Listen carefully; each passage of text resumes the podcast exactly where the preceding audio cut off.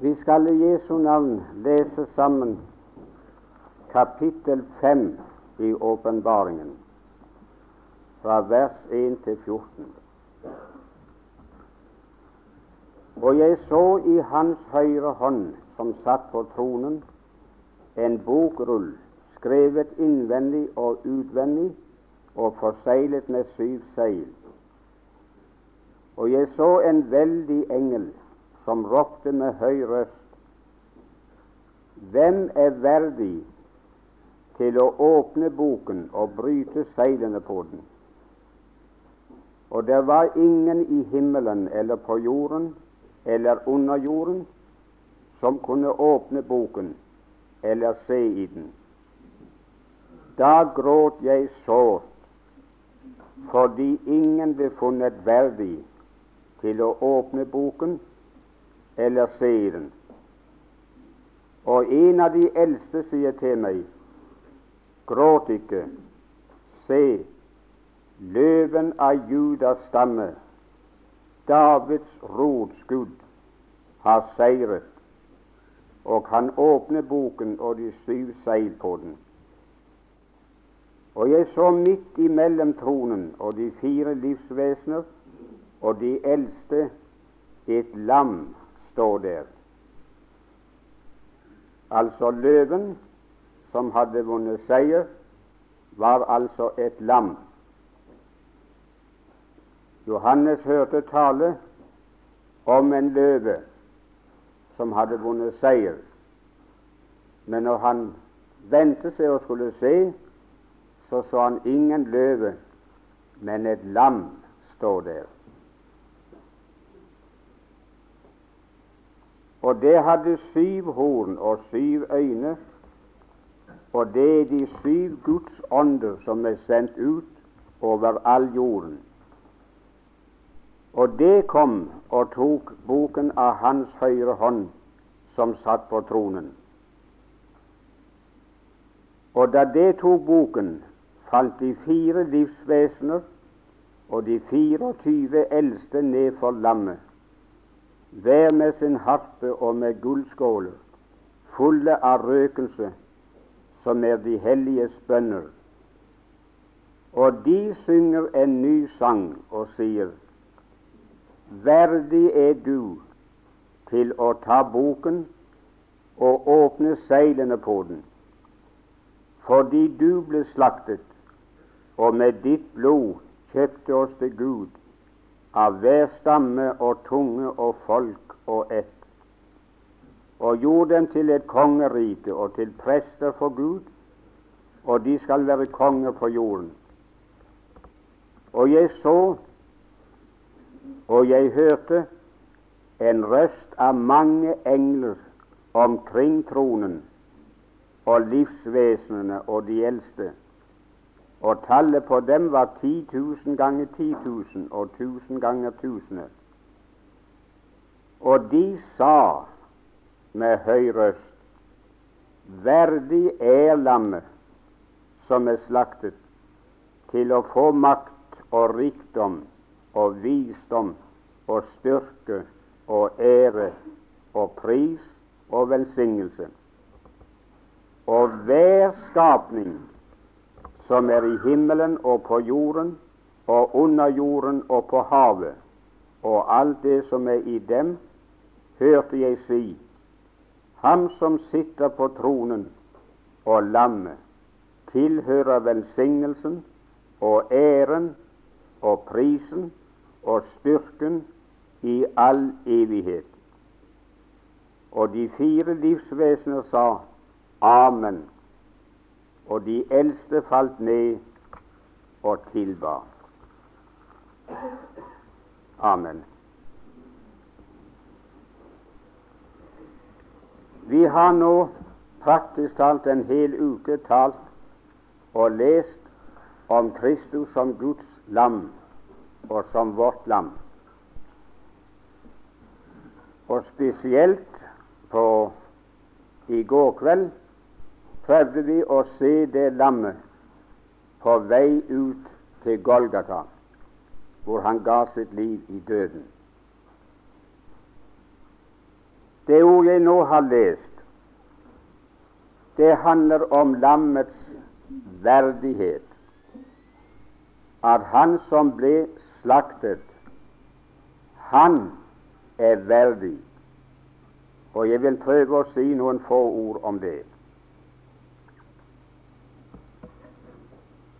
Det første trekk i det situasjonsbildet som er rullet opp i kapittel 5 av åpenbaringen, er det én ting som jeg gjerne vil gjøre oppmerksom på.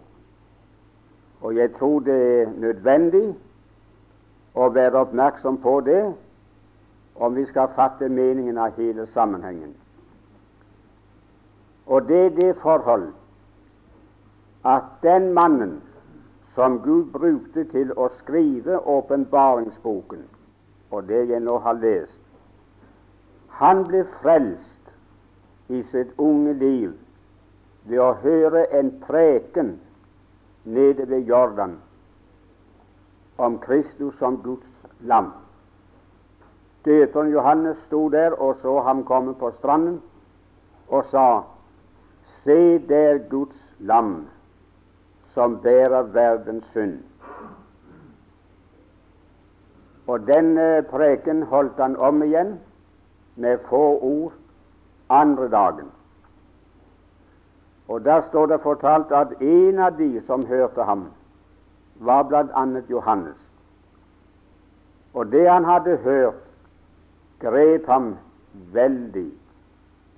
Det grep ham så øyeblikkelig forlot han døperen Johannes og fulgte etter Jesus og fulgte ham inn i hans losji i herberget. Det som Johannes fikk se og høre der, det brakte ham til å bli en kristig disippel. Og ikke bare til en av hans disipler, men det gjorde ham til en forkynner av Kristi evangelium. Han ble en apostel. Selv vitner han om det og sier at vi så Hans herlighet. Og han var full av nåde og sannhet. Ingen av oss vet og kan forestille oss helt ut hva Johannes den dagen erkjente, så og fant i Kristus Jesus. Vi ser bare og kjenner virkningen av det. Han ble en apostel og en budbærer i Kristi sted. Men som han gikk ut i verden og forkynte sannheten om Herren, slik som han nå hadde sett den og kjente den, så ble han hatet og forfulgt. Budskapet det var jødene en forargelse, og det endte med at de sendte ham som fange til Patmos. Der satt han i ensomhet, skilt fra alle troende, skilt fra alle sine venner, og har uten tvil vært mer opptatt av sannheten om sin Herre og Frelser enn han noensinne før hadde vært. Og det ligger iallfall meg snublende nær å tenke om ham, at han har gått der på Patmos. Og tenkt på Kristi menighets fremtid menneskelig talt, og for hans øyne så det mørkt ut. Få og ingen ville tro på Hans Herre og Mester. Ingen syntes å ville følge ham. Og de troende som holdt seg til Herren, de ble forfulgt. Og det kunne komme til å ende med de andre som det nå hadde hendt med ham selv, kanskje enda verre, at de ble martyrer. Så det så mørkt ut. Men så en dag, plutselig og uventet, så ble han rykket inn i Guds evige verden. Han ble tatt inn i selve herligheten og fikk se Kristus derifra. Og da fikk han et ganske annet syn på saken. Der fikk han se at den frelser, det lammet som han selv fulgte, som han elsket, som han trodde på, og som han forkynte i denne verden, og som vakte forargelse og motgang for ham i verden. Det lammet, det var antatt i herligheten og var gjort til midtpunktet for all Guds herlighet. Så det tok seg helt annerledes ut der hjemme enn når han så på stillingen i denne verden. Han fikk se Kristus i forhold til menigheten, i forholdet til jødene og hedningene og til hele skapningen i sin helhet. Og når han så det, så så han at det var lammet som var det store midtpunkt, det sentrale emnet i alle tilfeller. Enten det gjaldt menigheten, jødene, de av de tolv stammene, eller skapningen i det hele tatt, så var det lammet som alle falt ned for, og som alle tilba. Den samme person han hadde fortrodd seg frelst ved, som han elsket, og som han tilba i sitt liv, den blir tilbitt i herligheten av enhver makt og enhver myndighet. De 24 eldste som symboliserer menigheten, Det nye testamentets presteskap, de tilba ham, de knelte for ham og sang. Og i sangen sa de du er verdig, du er verdig. Og så regnet de opp det han var verdig til. Og når mange engler som sto omkring tronen, og det han nå hadde sett, når de hørte den sangen og den tilbedelsen, så falt de inn og sanksjonerte det og sa det er helt rett.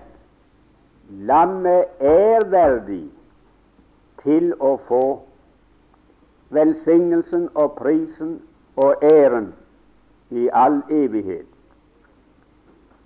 Og så var det en tredje krets, og den utgjordes av alle englene. Enhver makt, høyere makt. Og de falt inn på samme måten og sanksjonerte hva de første engler og hva menigheten hadde gjort når de sa 'du er verdig'. Lammet er verdig til å få denne tilbedelsen, denne prisen og denne æren. Jeg tror, venner, at for vårt vedkommende som lever med Gud i dag, ikke bare i vårt land, men også utenfor vårt lands grenser, så er det noe av den opplevelsen, dette synet, som vi trenger å få. Vi trenger til å bli løftet opp i vårt sinn og vårt syn ifra alt det nærværende, fra alt som vi ser omkring oss, også fra verdens side, fra all verslighet, fra all ugudelighet, fra all vantro og all ondskapens makt som er rådende, og løftes opp til å se inn i hin verden og bli var hva Kristus egentlig er verd. Det er der de kjenner ham, og det er der han blir tilbedt slik som han tilkommer det. Og det synet av den det seirende og tilbedte Guds lam som vi trenger å ha klar for oss. Ellers så ser det så trist, så mørkt og så håpløst ut i verden at du kunne fristes til å spørre vil det bli noen endelig seier. Vil det lykkes ham å få den skaren til himmelen? Vil det bli noen tilbedelse av ham til slutt? Venner, vi må opp der med vårt syn til å se utfallet. Det står i begynnelsen av boken at det var den åpenbaring som Gud ga Johannes å se, som var Kristi åpenbaring. Jesu Kristi åpenbaring, som Gud ga ham. Det samme som, jo, som Kristus ble vist i herligheten, det ble forunt Johannes å se i syner. Og når han hørte og så hvordan Kristus ble tilbudt der,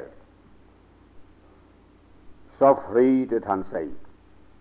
Så fattet han mot, og han holdt ut motgangen når han satt som fange på Patmos. Når jeg nå vil si noe om lammets verdighet, så skal du høre om igjen hva det sto i det niende og i det tolvte vers. Og de, altså de 24 eldste, synger en ny sang og sier Verdig er du til å ta boken og åpne seilene på den, fordi du ble slaktet, og med ditt blod kjøpte oss til Gud av hver stamme og tunge og folk og ett. Og så kommer denne skare av engler. Og de sa, de sang ikke. Det er bare frelste, troende mennesker som i herligheten sies å synge. Jeg har ikke funnet et eneste vers i Skriften som sier at englene noen gang har sunget.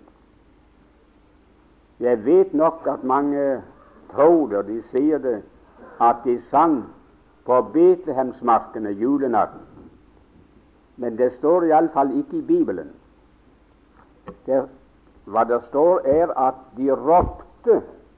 De ropte med høy røst og sa, men ikke at de sang. Det er forbeholdt den blodkjøpte Kristi menighet å tilbe ham med sang. Og de, sa, de talte til ham direkte og sa du er verdig til å få alt dette her. Men englene, når de falt inn, så talte de bare om ham, ikke til ham.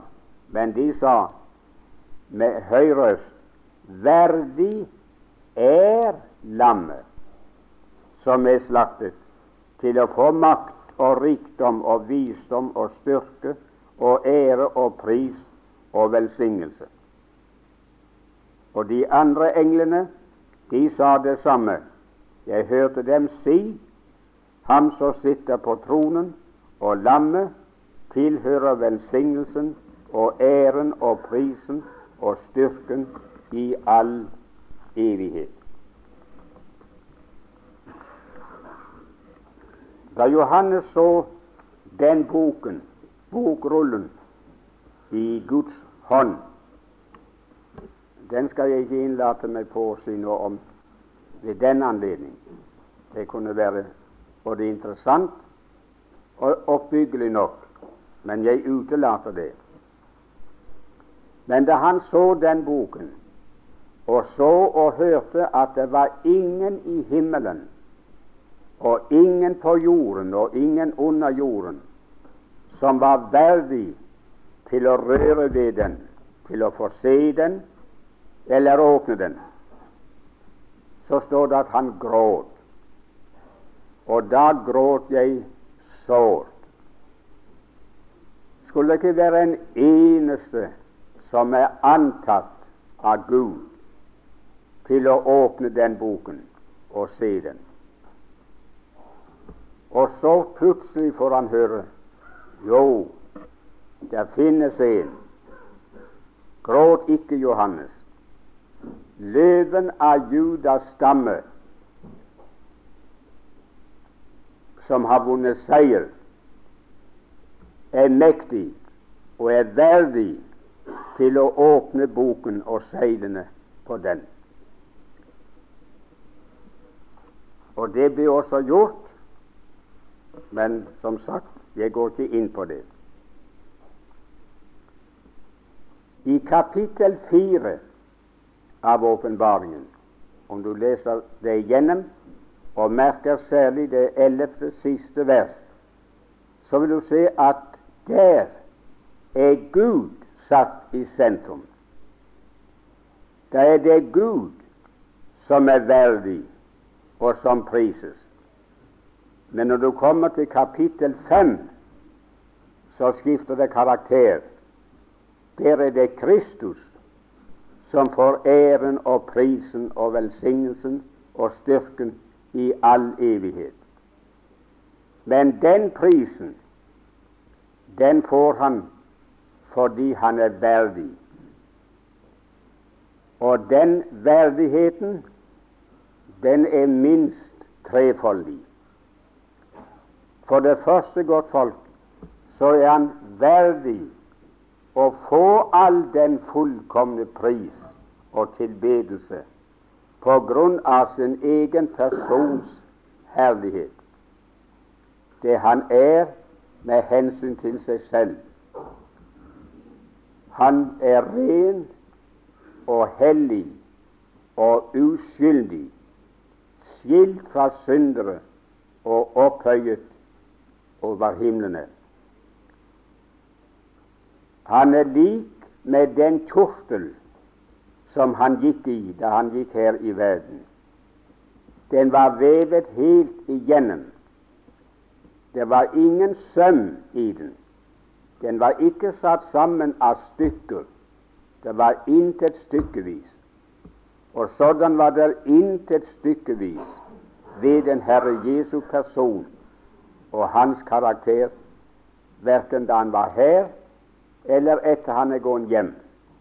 Han var helt igjennom velbehagelig for Gud. Alt var helt, og alt var fullkomment, og ingenting var stykkevis. Og Derfor sier Bibelen på så mange steder se på ham.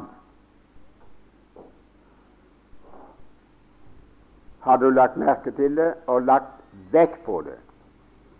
At vi i Bibelen er direkte oppfordret til å se på ham.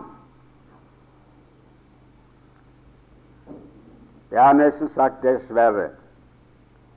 Når vi vitner og preker her i verden, så hører vi så ofte de som vitner, sier de må ikke se på meg.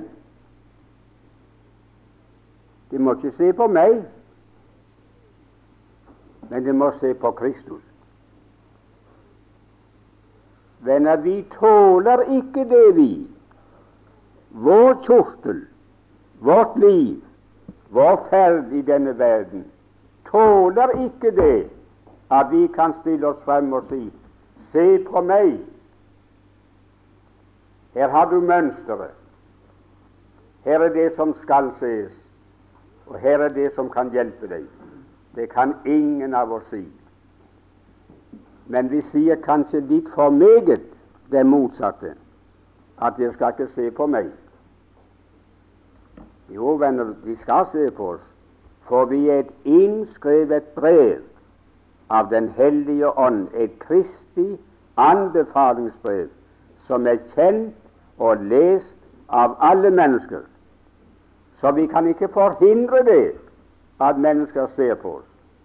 Men da ser de ikke en hel kjortel. De ser så meget stykkevis, så meget ufullkomment, så meget delt. Men jeg har vært en i denne verden som kunne peke på seg selv og si Se på meg, kom til meg. Og Den hellige ånd kan si det i testamentet. Gi akt på ham. Han er slik, min venn, til sin person at han tåler å bli sett på. Ingen har kunnet overbevise ham om noen synd. Alt var rent, alt var fullkomment, alt var helt. Gud aksepterte ham og vi så det her en kveld. Verden, menneskeverdenen, måtte akseptere ham og si at de fant ingen skyld hos ham. Og selv helvete, med Judas som representant, måtte si 'Jeg har forrådt uskyldig blod'. Han tålte å bli sett på, og at de vitnet om ham. Og alle måtte erkjenne og gi ham attest for å være ren, hellig og uskyldig. Og på grunn av den tilstand så er han verdig. Verdig å bli trodd på, verdig å følge, verdig å tilbes, både her og hisset. Det skal bli en underlig dag, folk, når denne verden skal få se ham som han virkelig er. Først de troende, når de forvandles og rykkes bort. Da skal synet av ham ha en slik effekt på oss at vi i et nu og et øyeblikk blir ham lik, bare fordi vi skal se ham som han er. Det har ingen av oss sett ennå. Vi har bare sett noen få små stykker av ham, mer og mindre. Og de har hatt den kraft at de kunne rive oss løs fra verden og bevare oss for Herren og hos Herren i et langt liv. Men kjære deg, min venn, når vi skal se ham slik som han er Det blir noe helt annet. Når jeg tenker på himmelen og gleder meg til å komme dit, så er det ikke fordi jeg er om en gate av gull. Folk sier gater av gull. Men det står det ikke i Bibelen. Det er bare én gate. Stadens gate, den var gull. Så snakk aldri og syng aldri om gater i flertall. Det hører ingen plass hjemme. Og så tenker jeg ikke på noen vidunderlige, uvisnelige palmegrener som jeg skal få gå med i hendene og svinge og tenker heller ikke på noen sånn himmelske, fullkomne, vidunderlige musikkinstrumenter, harper og, og hva det nå måtte hete, som vi skal få spille på. Jeg kan ikke synge og spille her i denne verden, men jeg skal kunne det da. Men det er ikke det, min venn, som uh, opptar sinnet og tanken når jeg tenker på hjem og skal hjem, men jeg skal se ham. Og jeg skal se ham som han er. Og så tenker jeg godt folk at når jeg har sett ham som han er, så begjærer jeg intet mer. Så bør de ikke vise meg noe mer i himmelen. Det er nok. Jeg trenger ikke noe mer. Det vil bare en langt større målestokk bli for meg da når jeg kommer hjem, som når jeg var i Amerika og hadde vært i New York i noen måneder. Og venner der hadde tatt meg omkring, så jeg visste mer om New York når jeg reiste hjem, enn mange som hadde bodd der hele sitt liv. For de bodde der i det huset og den gaten hvor de hadde slått seg ned, og hvor de var født. Og så hadde de ikke lagt seg ut for å se byen og livet i en verdensby. Og de hadde vært i Chicago, og så kom til andre byer. Så skulle de vise meg ditt, og så skulle de vise meg datt.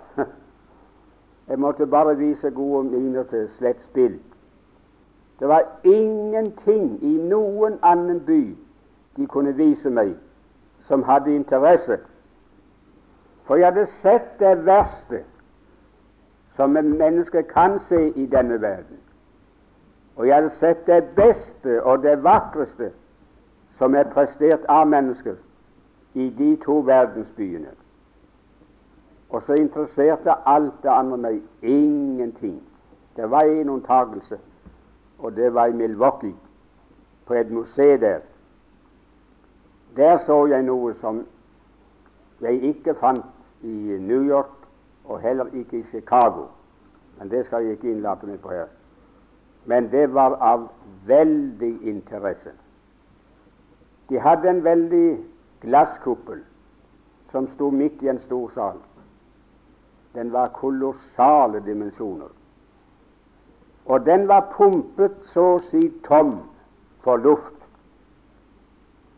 Og så hadde de plassert noen kuler inne i den kuppelen. Og ved hjelp av magnetisme så har de fått de kulene, eller ballonger, hva i verden det var Du kunne ikke få komme ned og røre ved det. Til å gå i bestemte baner. Gikk omkring seg selv og gikk omkring hverandre. For første gang i mitt liv forsto jeg hvordan det går for seg når jorden går omkring solen og disse forskjellige andre himmellegemer. Men det hadde de fått til der i den glasskuppelen. Det var ikke samme antall som det er ute i himmelrommet. Og de gikk ikke akkurat med samme hastigheten, for den vil bli for svær. Men de hadde det i samme målestokk, og forholdsvis hadde hver planet en tilsvarende fart og hastighet. Ellers så hadde de ingen verdens ting å vise meg som interesserte og grep. For jeg har sett, jeg har sett det som kunne ses. Og når jeg gjentar det når er kommet hjem og har fått sett ham som jeg tror på og ennå ikke har sett, og som jeg nå elsker uten å ha kjent, så spør jeg aldri etter noe mer. Og kommer sikkert ikke til å spørre etter noen annen. Det interesserer meg ikke. Jeg vil være fullt ut tilfredsstillet og mettet når jeg har sett ham. For vi skal mettes ved hans ansiktsbeskuelse. Når jeg vågner og ser ham som han er, så skal vi mettes. Det samme, venner, hvordan vi har det. Vi er sammen på alminnelige møter, vi er sammen på bibelkurs og alt slikt. Det samme hvor godt og rikt vi har det. Vi blir aldri mett. Det har aldri hendt meg. Vi blir bare sultne. Vi ønsker bare mer av samme sorten. Og Jeg kan huske på flere bibelkurs jeg har vært, f.eks. på Mosby. Vi holdt på i to fulle måneder og hadde aldri mindre enn fem bibeltimer for dagen. Og når siste uken kom av de to måneder, så kom de, noen kom gråtende og sa dette er for galt at nå er det slutt. Det var nå vi skulle begynt. Det var ikke ennå å bli mett. Men venner, når jeg har sett ham som han er, så bør ingen predikant fortelle meg noe om ham, for nå vet jeg det. Så jeg er mett og spør aldri etter noe mer. Derfor, på grunn av sin person, på grunn av sitt vesen, så er han verdig til å få takken og prisen og velsignelsen her og i all evighet. Men jeg vil også nevne at han er verdig å få det på grunn av sin usigelige, ubeskrivelige kjærlighet, den som overgår all fatteevne og all forstand. Jeg har nok fortalt det her på Åkra før, men jeg tillater meg å gjenta det. Det var en mann som pleide å gå nokså meget i et hjem et sted her i landet. Og så en sommer så skulle han uh, få komme der og være i ferien. Det var en eldre mann. Han var skjegget og helst litt grind i ansiktet. Så hadde de en smågutt der i hjemmet. Og mannen han var en barnevenn og ville gjerne leke med gutten. Men det var uråd. Gutten ville ikke ha noe med ham å gjøre, så han holdt seg tre skritt fra livet. Og hvis han skulle få ta ham og løfte ham og kjenne hvor tung han var, så måtte han med, ha med bonbon, sjokolade. Og så hvis, hvis jeg skal få løfte det, så skal du få det her. Men så kjente han hvor han skjalv mens han tok imot det og løftet ham. Mens han ikke før fått sjokoladen og bombommen, så løp han sin vei. For fange skulle han ikke være. Vel, så kom denne ferien, og mannen hadde bodd der en 14 dagers tid. Huset de bodde i, det lå i nærheten av et stort vann. Og mannen han bodde hos, var bonde, og de holdt på å arbeide på jorden i Slåtten oppe i en skogli. Men gutten var ikke gått med dem, så han holdt på å leke nede ved vannet. Men de satt på hver sin side av vannet. Mannen satt på den ene siden, og han kunne se gutten på den andre siden. Og så plutselig var ulykken ute. Gutten han gled og falt i vannet og holdt på å drukne. Han skrek for sitt bare liv, men far og mor var for langt borte, så de hørte ham ikke. Så var det for lang vei å springe rundt stranden for å berge ham. Men så hoppet mannen rett i vannet og la på svøm, og det lyktes å nå ham og fikk ham opp før han hadde åndet ut, men han var bevisstløs. Men da han kom til sans og sammen igjen, så var det hjemme i stuen, og da ble det fortalt ham hva som hadde skjedd, og at det var den mannen som hadde hoppet på vannet for å berge hans liv. Vet du, min venn, fra den stunden av burde han aldri ha sjokolade og bomber med seg for å få ham på fanget og kjenne hvor tung han var. Nå holdt den gutten seg til ham, så han kunne faktisk sant ikke bli kvitt ham.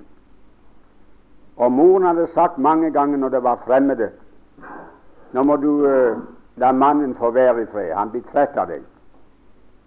Men han gikk bort for et øyeblikk, og straks var han der igjen. Om mannen ikke var der, selv når ferien var slutt, han var reist, og det kom andre fremmede, så spurte han du, hvordan kan det ha seg at før, når vi var her, så kunne den mannen ikke få rørt deg. Han måtte betale for å få løfte deg og kjenne hvor tung du var. Og nå, denne gangen han var her, så kunne han jo ikke bli kvitt deg. Du hang på ham støtt. Og han viste bilder av ham og snakket om ham og roste ham så det var noe forskrekkelig. Han hadde samme skjegget som han hadde hatt før, var like uanselig, hadde samme stemmen, men nå tiltrakk han gutten. Så svarte gutten, satte store øyne og så på en annen mann som spurte ham Vet ikke du det sånn? Har du ikke hørt det? Han sprang jo på vannet for mitt liv. Han sprang jo rett på vannet, og så berget han mitt liv. Det gjorde, min venn, at han holdt av mannen og holdt seg til ham. Hva skal vi så si om den Herre Jesus, som kom fra himmelen?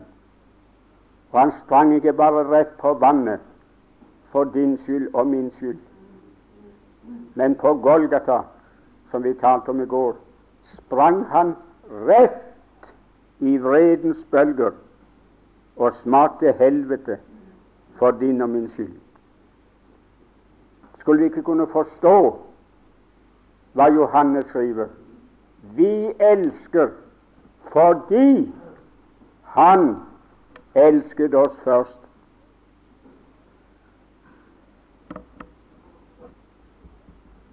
Å, la aldri noensinne korsets tre meg gå av minne som deg, frelsens første barn.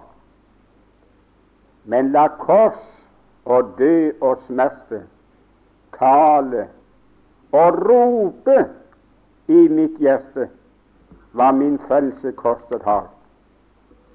Og si det, min venn, så skal ingen behøve å be oss om å foretrekke Kristus og holde oss til ham og elske ham. Det blir naturlig selvfølgelig. Det kan ikke være annerledes. Vi elsker fordi Han elsket oss først. Ingen har større kjærlighet, sa Jesus, enn vil si av mennesker, enn den som setter sitt liv til for sine venner. Nei, nei, men om Kristus står det Gud viser sin kjærlighet mot oss derved at Kristus døde for oss da vi ennå var fiender. Kan en større kjærlighet tenkes? Skulle han ikke være verd et knefall?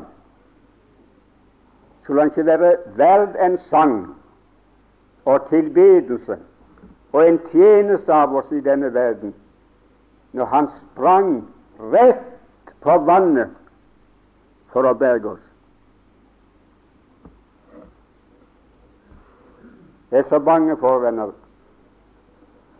at i vår rastløse, oppjagde, moderne tid så kommer disse sentrale sannhetene om Kristi kors, om Hans verdighet, i skyggen.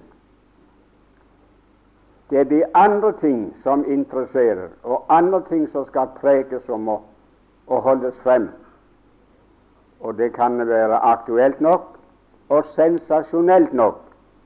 Men venner, det er ikke det som frelser. Det er ikke det som frigjør. Det er ikke det som bringer oss på kne for Herren, hvor vi tilber Ham. Vi tilber Ham. Men eh, jeg vil nevne et par eksempler. På det jeg nå snakker om.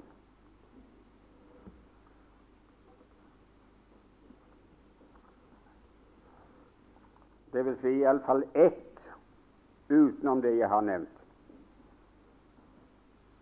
Det fortelles om prinsen av Wales i England at under den første verdenskrigen så reiste han ned til fronten, til slagmarken, der hvor uh, lasarettene var, og hvor alle de sårede og syke lå.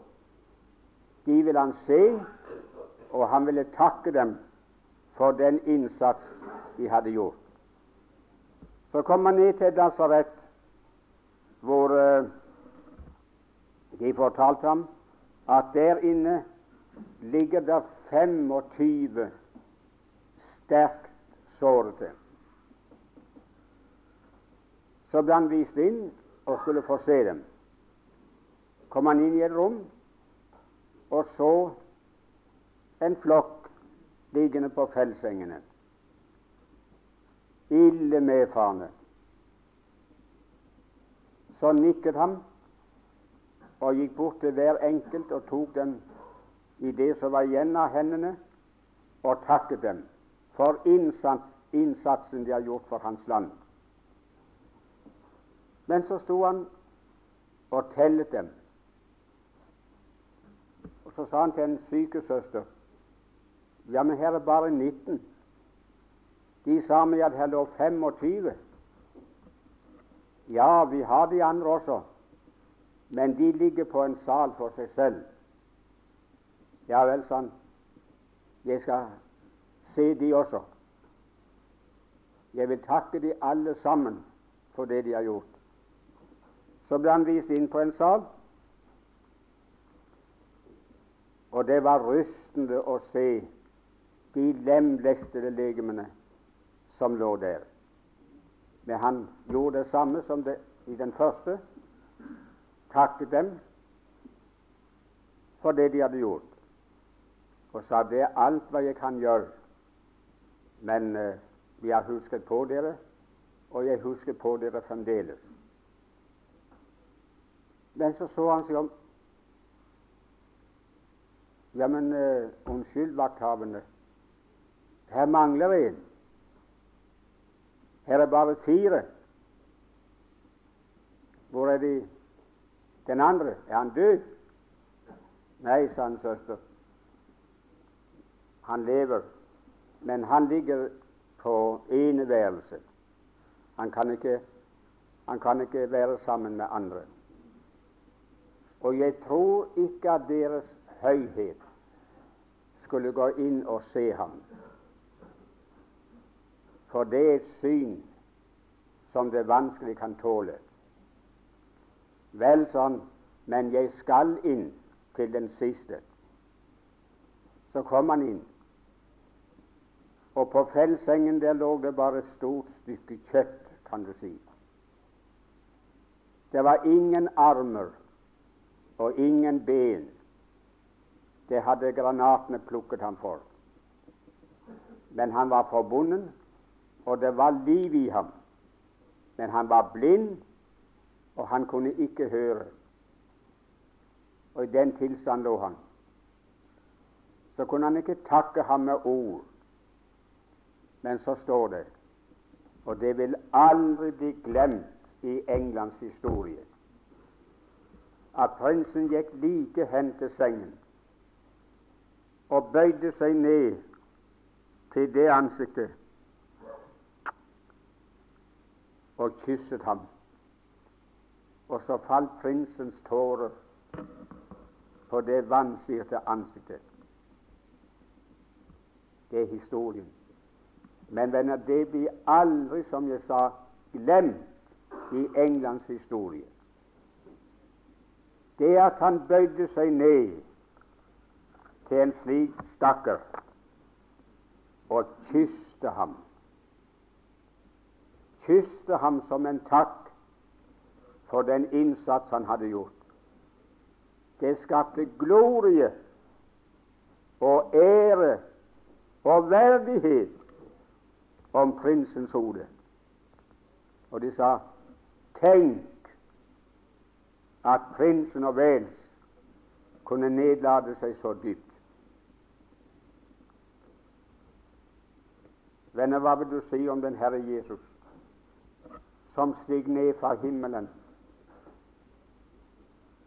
og inn i dette verdens lasarettet, hvor vi lå. Og han stilte ikke bare hen i nærheten av forkomne mennesker, men han ikledte seg vårt eget kjøtt og blod og gikk til Golgata og ikke bare kysset oss, ikke bare klappet oss vennlig, men ga sitt liv i den døden som skulle ha rammet oss. Skulle ikke det ha skapt noen glorie, noen glans, noen verdighet om hans panne, når de vi leser om her i kapittel 5, falt på sine knær og priste ham og sa:" Du er verdig fordi du ble slaktet, og med ditt blod kjøpte oss til Gud. Så var det det de hadde forstått. Det var det som hadde satt glans om Kristi panne. Derfor er du verdig.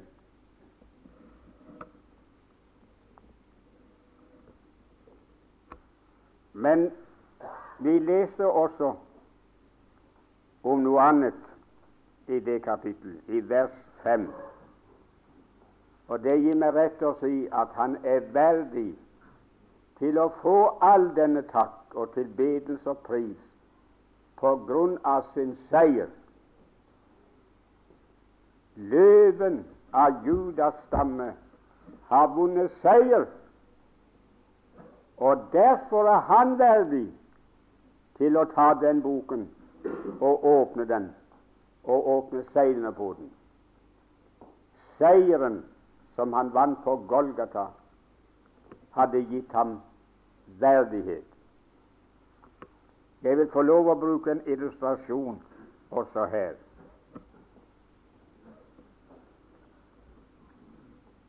Seier det gir oss forestillingen om en valgplass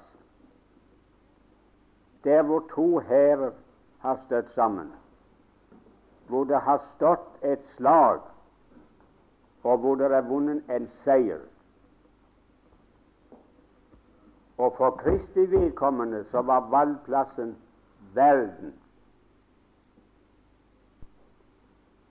Og seieren hans, det var seieren over synd og død og djevel og alle makter og myndigheter som han avvæpnet. Det er hans seier. Under første verdenskrig så vet dere som fulgte med den tiden, at det i lang tid så svært mørkt ut for de allierte.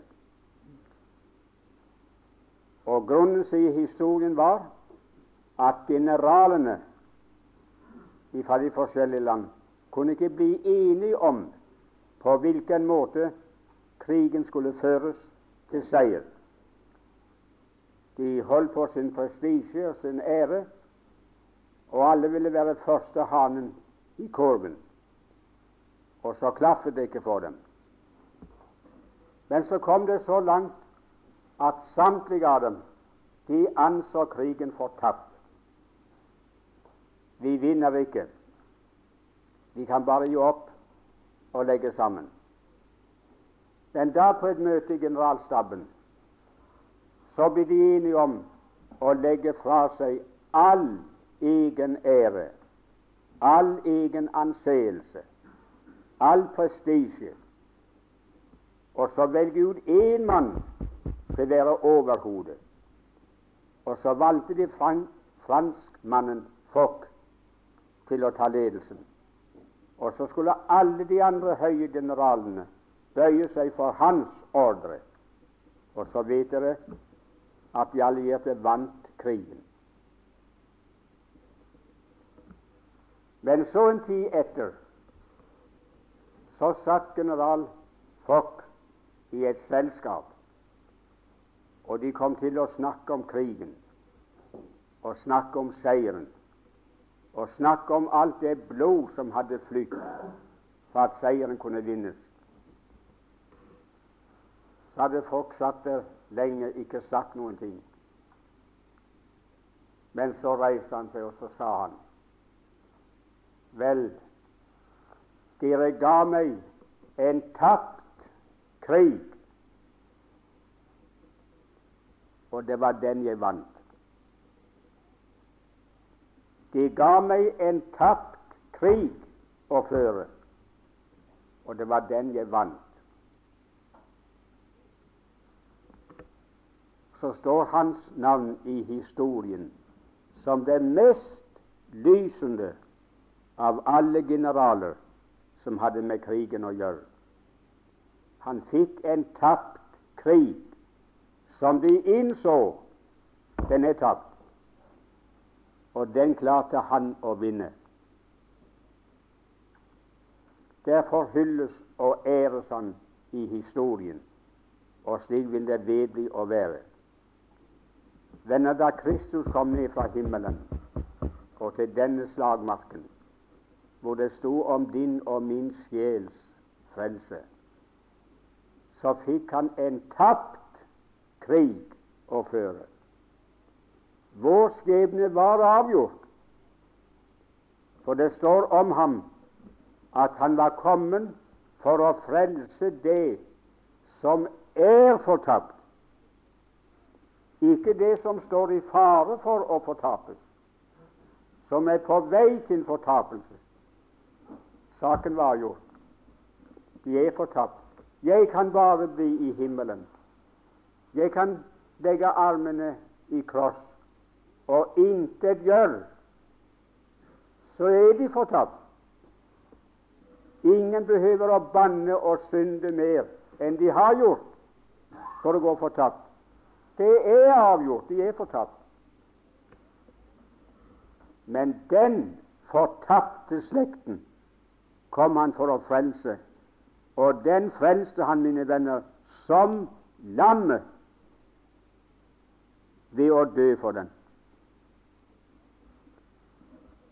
Som lammet, slik som vi skildret ham i går, da han gikk fra Getsemane til Gabbata, og fra Gabata til Golgata.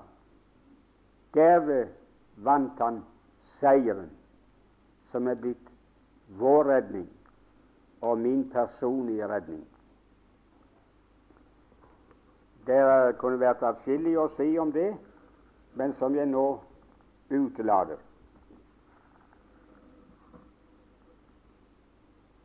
Jeg vil bare ta dere med til et par vers i Åpenbaringen 19 og Åpenbaringen 21.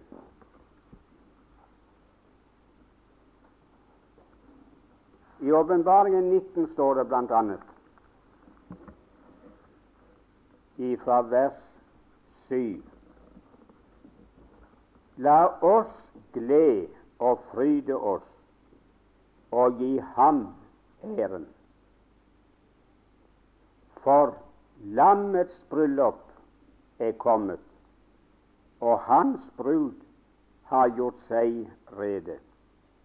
Og det er henne gitt å kle seg i rent og skinnende fint lin, for det fine lin er de helliges rettferdige gjerninger. I kapittel 21 der står det i vers 9 og en av de syv engler som hadde de syv skåler fulle av de syv siste plager, kom til meg og talte med meg og sa:" Kom, jeg vil vise deg bruden, lammets hustru. I kapittel 19 der leser vi at lammets bryllup, det er kommet.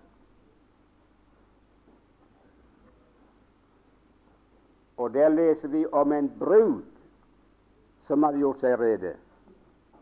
gjort seg rede som brud for brudgommen og bryllupet, den endelige forening med hverandre. I kapittel 21, min venn, så er hun ikke brud lenger, men da står hun der i sitt endelige, fullkomne forhold til Herren som hans brud. Men det jeg vil be dere å legge merke til der i kveld, det er navnet på denne festen og navnet på, som er gitt av hans menighet. Hva var det de sa?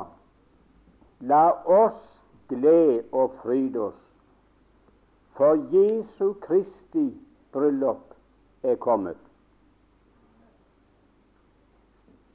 Nei, folk, det står det ikke. La oss glede og fryde oss, for den store hyrdes bryllup er kommet. La oss glede og fryde oss, for ypperste prestens bryllup er kommet. Nei, nei. Nei, nei, min venn. La oss glede og fryde oss, for Jesu bryllup er kommet. Nei, heller ikke det. Men la oss glede og fryde oss for at lammets bryllup er kommet. Det er den festen, mine venner, som er målet for oss, enhver som er troende og frelst. Vi skal få en slik absolutt forening med Herren, hvor vi aldri kan komme ham nærmere enn vi blir det da. Men den festen bærer lammets navn. Det er hans ærestittel som han skal bære i evigheten. Han var ikke bare Guds lam og vårt lam mens han gikk gjennom denne verden men han er det også på den gledesdagen. Det er lammets bryllup som er kommet. Kom, og jeg vil vise deg ikke Jesu Kristi, ikke Guds sønns eller noe sådant, men jeg vil vise deg lammets hustru. Det folk som han vant seg den menighet han vant seg ved sitt eget blod. Vel, venner, når jeg har lest dette her, tenk på det før. Iblant sagt lite grann om det før. Jeg tilstår det har grepet meg. Og det som det har ropt inn i min sjel Gi, gi Kristus plassen i sentrum i alt ditt liv og all din forkynnelse. Tal ikke bare om alt annet som er aktuelt, men plasser ham i vår midte som lammet. Når du skal bære hans navn som lammet, selv i evigheten, så bær den korsfestedes navn på deg også i denne verden. Paulus han sa 'Jeg skammer meg ikke ved å forkynne evangeliet'. Og det budskapet om Jesus som fornedrer seg selv så han blir lydig inntil døden, ja, korsets død, og med sitt blod kjøpte oss til Gud. Jeg skammer meg ikke ved å forkynne det. Og når han kom til Korint, så er det fortalt at han fattet en bestemmelse at her i Korint vil jeg ikke vite noe annet når jeg preker, enn Jesus Kristus og ham korsfestet. Han visste meget mer, du store verden. Han hadde satt ved Gamaliels føtter og kunne tatt en diskusjon med de lærde grekere. Og han hadde vært rykket inn i den trygge himmelen og hørt usigelige ord. Han hadde fått hemmeligheten om Kristi menighet åpenbart. Han visste uendelig meget mer enn Jesus og ham korsfestet. Men her i Korint, midt i den tykkeste ugudelighet Det var ingen på den tiden som levde mer offisielt rått og gudelig enn Korint. Så skulle de synde til gangs når de kom sammen. Så sa de ugudelige i natt skal vi ha det på korintisk. Så visste alle hva det betød. Og der satt den greske visdommen i høysetet. Det var filosofene, granskerne. Vel, der hvor jødene vil bli forarget over det jeg sier, og der hvor filosofene vil betrakte meg som en dåre, og det jeg sier som en dårskap, der, på det stedet, vil jeg ikke vite noe annet enn Kristus og ham korsfestet. Den hadde det ikke vært fornuftig at han hadde tatt frem sånn ganske alminnelige, praktiske ting som han kunne regne med de ble enige med han i. Så jødene ville tåle å komme igjen og høre på ham. Og som de lærde filosofene fra Aten kunne finne noen mening i. Han sier det best å tatt frem slike ting først, inntil han hadde vunnet deres tillit. Men tenke seg til å legge vekk alt sådant, og så ikke vite noe annet å plassere for deres øyne enn Kristus og ham korsfestet. Men det lyktes ham. Det viser seg at evangeliet om Kristi kors det var en Guds kraft til frelse. Så da han reiste derfra, så var det igjen en levende Guds menighet som var vunnet ved korsets ord. Given at vi, vi kunne få tilbake de gamle, gode dager da Kristi kors og Kristi sår og blod og lammets sang hørtes i vår midte. At ingen annen ting gikk foran det. Når jeg leser annonsen, møteannonsene, ikke minst fra Oslo, så kan man rent forferdes over det som folk blir bydd. Der averteres emner, og der averteres underholdning. Skal ikke komme på møte for å for å bli frelst, for å bli vakt, for å komme i syndenød og måtte rope om frelse. Nei da, forferdelig. Det er umoderne. Men vi skal ha underholdning. God underholdning med rikt program. Og så står det av så skal vi ha kakefest og pølsefest ja, det har jeg på trykk liggende hjemme. Det skal trekke folk og komme til møtene. Og det skal skaffe dem inngang hos verslige ungdommer. Men men det går ikke. Mange som begynte med det, de har allerede gitt opp. For er det slik verden den verslige ungdommen vil ha, så kan de få det bedre i verden enn å komme på bedehuset. Det kan de ikke konkurrere med verden når det gjelder underholdning. Men vi har noe, min venn, som er sterkere enn alle programmer og all pølsefest.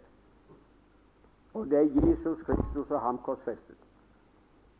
Det er ennå kraft i det gamle evangeliet. Jeg har selv tro på å forkynne det, og jeg ønsker å forlange at de som har påtatt seg å forkynne Guds ord for vårt folk, skal plassere det korset og det lammet i vår midte. Så det kan skje om igjen, som Paulus skrev til galaterne dere fikk Kristus malt for øynene som om han var korsfestet midt iblant dere. Det er det verden trenger, og det er det vi trenger. Vi, vi må ikke komme derhen, godt folk, at vi prøver å lokke verden, verslige folk, syndere, til livsens vannkilde ved å love dem selters og brus hvis de vil komme. Nei, min venn, vi skal datere det og si Se, det er Guds lam som bærer verdens synd. Jeg kjenner predikanter personlig som ondser seg for, de skammer seg for, å sette det opp som emne for et enkeltmøte eller for noen bibeltimer. Se, det Guds lam som bærer verden sin. Vet ikke folk det før? Er det noe trekkplaster? Kan det vekke noen oppsikt? Er det noe å gå for for å høre? Og så må de finne på noe annet å preke om ved siden av. Og så skal vi få høre lite bitte grann om korset etterpå. Det er akkurat den motsatte veien som Paulus gikk. Nå har jeg prøvd etter fattig evne å plassere det lammet i vår midte denne uken, og jeg håper noen av dere har fått et glytt av ham. Kanskje mange av dere som har kommet, har blitt skuffet og gått skuffet hjem. Men jeg kan bare trøste deg med det er ingen som har vært mer skuffet når møtet er slutt her om kvelden, enn meg selv. For det jeg ville ha sagt, og måten jeg ville det skulle være sagt på, holdt ikke. Så jeg har gått syk og sår og dømt bort. Og tenk vel, ja, ja, de kom i kveld, men, men nå er det gjort. De kommer ikke igjen i morgen. De kommer ikke mange ganger og ingenting får i skålen. Men jammen er det kommet igjen. Og det er flere i kveld enn det har vært noen kveld før. Og det skulle, det skulle gi meg et visst håp om at tross all skrøpelighet, tross all ufullkommenhet, så må det være en og annen som Den hellige ånd har fått sagt noe og vist noe. Gud signe dere venner. Gi at du blir med i den flokken som skal knele foran Hans trone og synge Du er verdig til å få æren og prisen fordi du ble slaktet og kjøpte meg til Gud med ditt blod. Venner, når Kristus har denne verdigheten som jeg har lest litt om nå i kveld, hva har så du gitt ham? Hva betyr han for deg? Sitter det noen iblant oss, som det var antydet her tidligere, som ennå ikke er en kristen? Du har levd nå et langt, det lengste stykket av ditt liv i verden, og lest og hørt om dette her. Og ennå lever du i og for verden som om du aldri hadde hørt et ord om det. Du ser ingen storhet, ingen verdighet i Kristus Jesus, så du tramper ham under din fot. Det du setter foten på på gaten, ute på veien, når du ser der ligger noe, det er noe som du ikke ser noen verdi i. Hadde det bare vært en femøring, så hadde du tatt den opp Du har gjerne tatt en ettøring. Men det vi tramper under foten, det er det som vi ikke ser noen verdi i. Og det å leve livet vårt som vi ville ha levd det om Kristus ikke var død for oss, og om vi ingenting hadde hørt om det, det å trampe Hans blod og Hans sannhet under føttene våre. Vi regner for verdiløst. Det er ikke noe å strekke seg etter. Kan du se, min venn, i kveld at du tar feil? Der kommer en dag da ikke bare den sangen skal høres av de kroner som er hentet hjem, men det kom en dag, folk, da denne Jesus, som gikk på denne måten i verden, skal åpenbare seg og bli synlig også for den ugudelige verden. Og det står om ham på den dag skal hans kjortel være dyppet i blod. Ingen skal behøve å preke om hans død og blod, men bare de ser ham som de naglet et kors, skal de bli minnet om hans død og det at han var Guds lam som bar deres synd. Si meg, min tilhører som er i kveld. Jeg har prekt for dere så mange ganger før, og for manges vedkommende har det vært forgjeves hittil. For jeg lover å spørre deg så varmt og mildt jeg kan.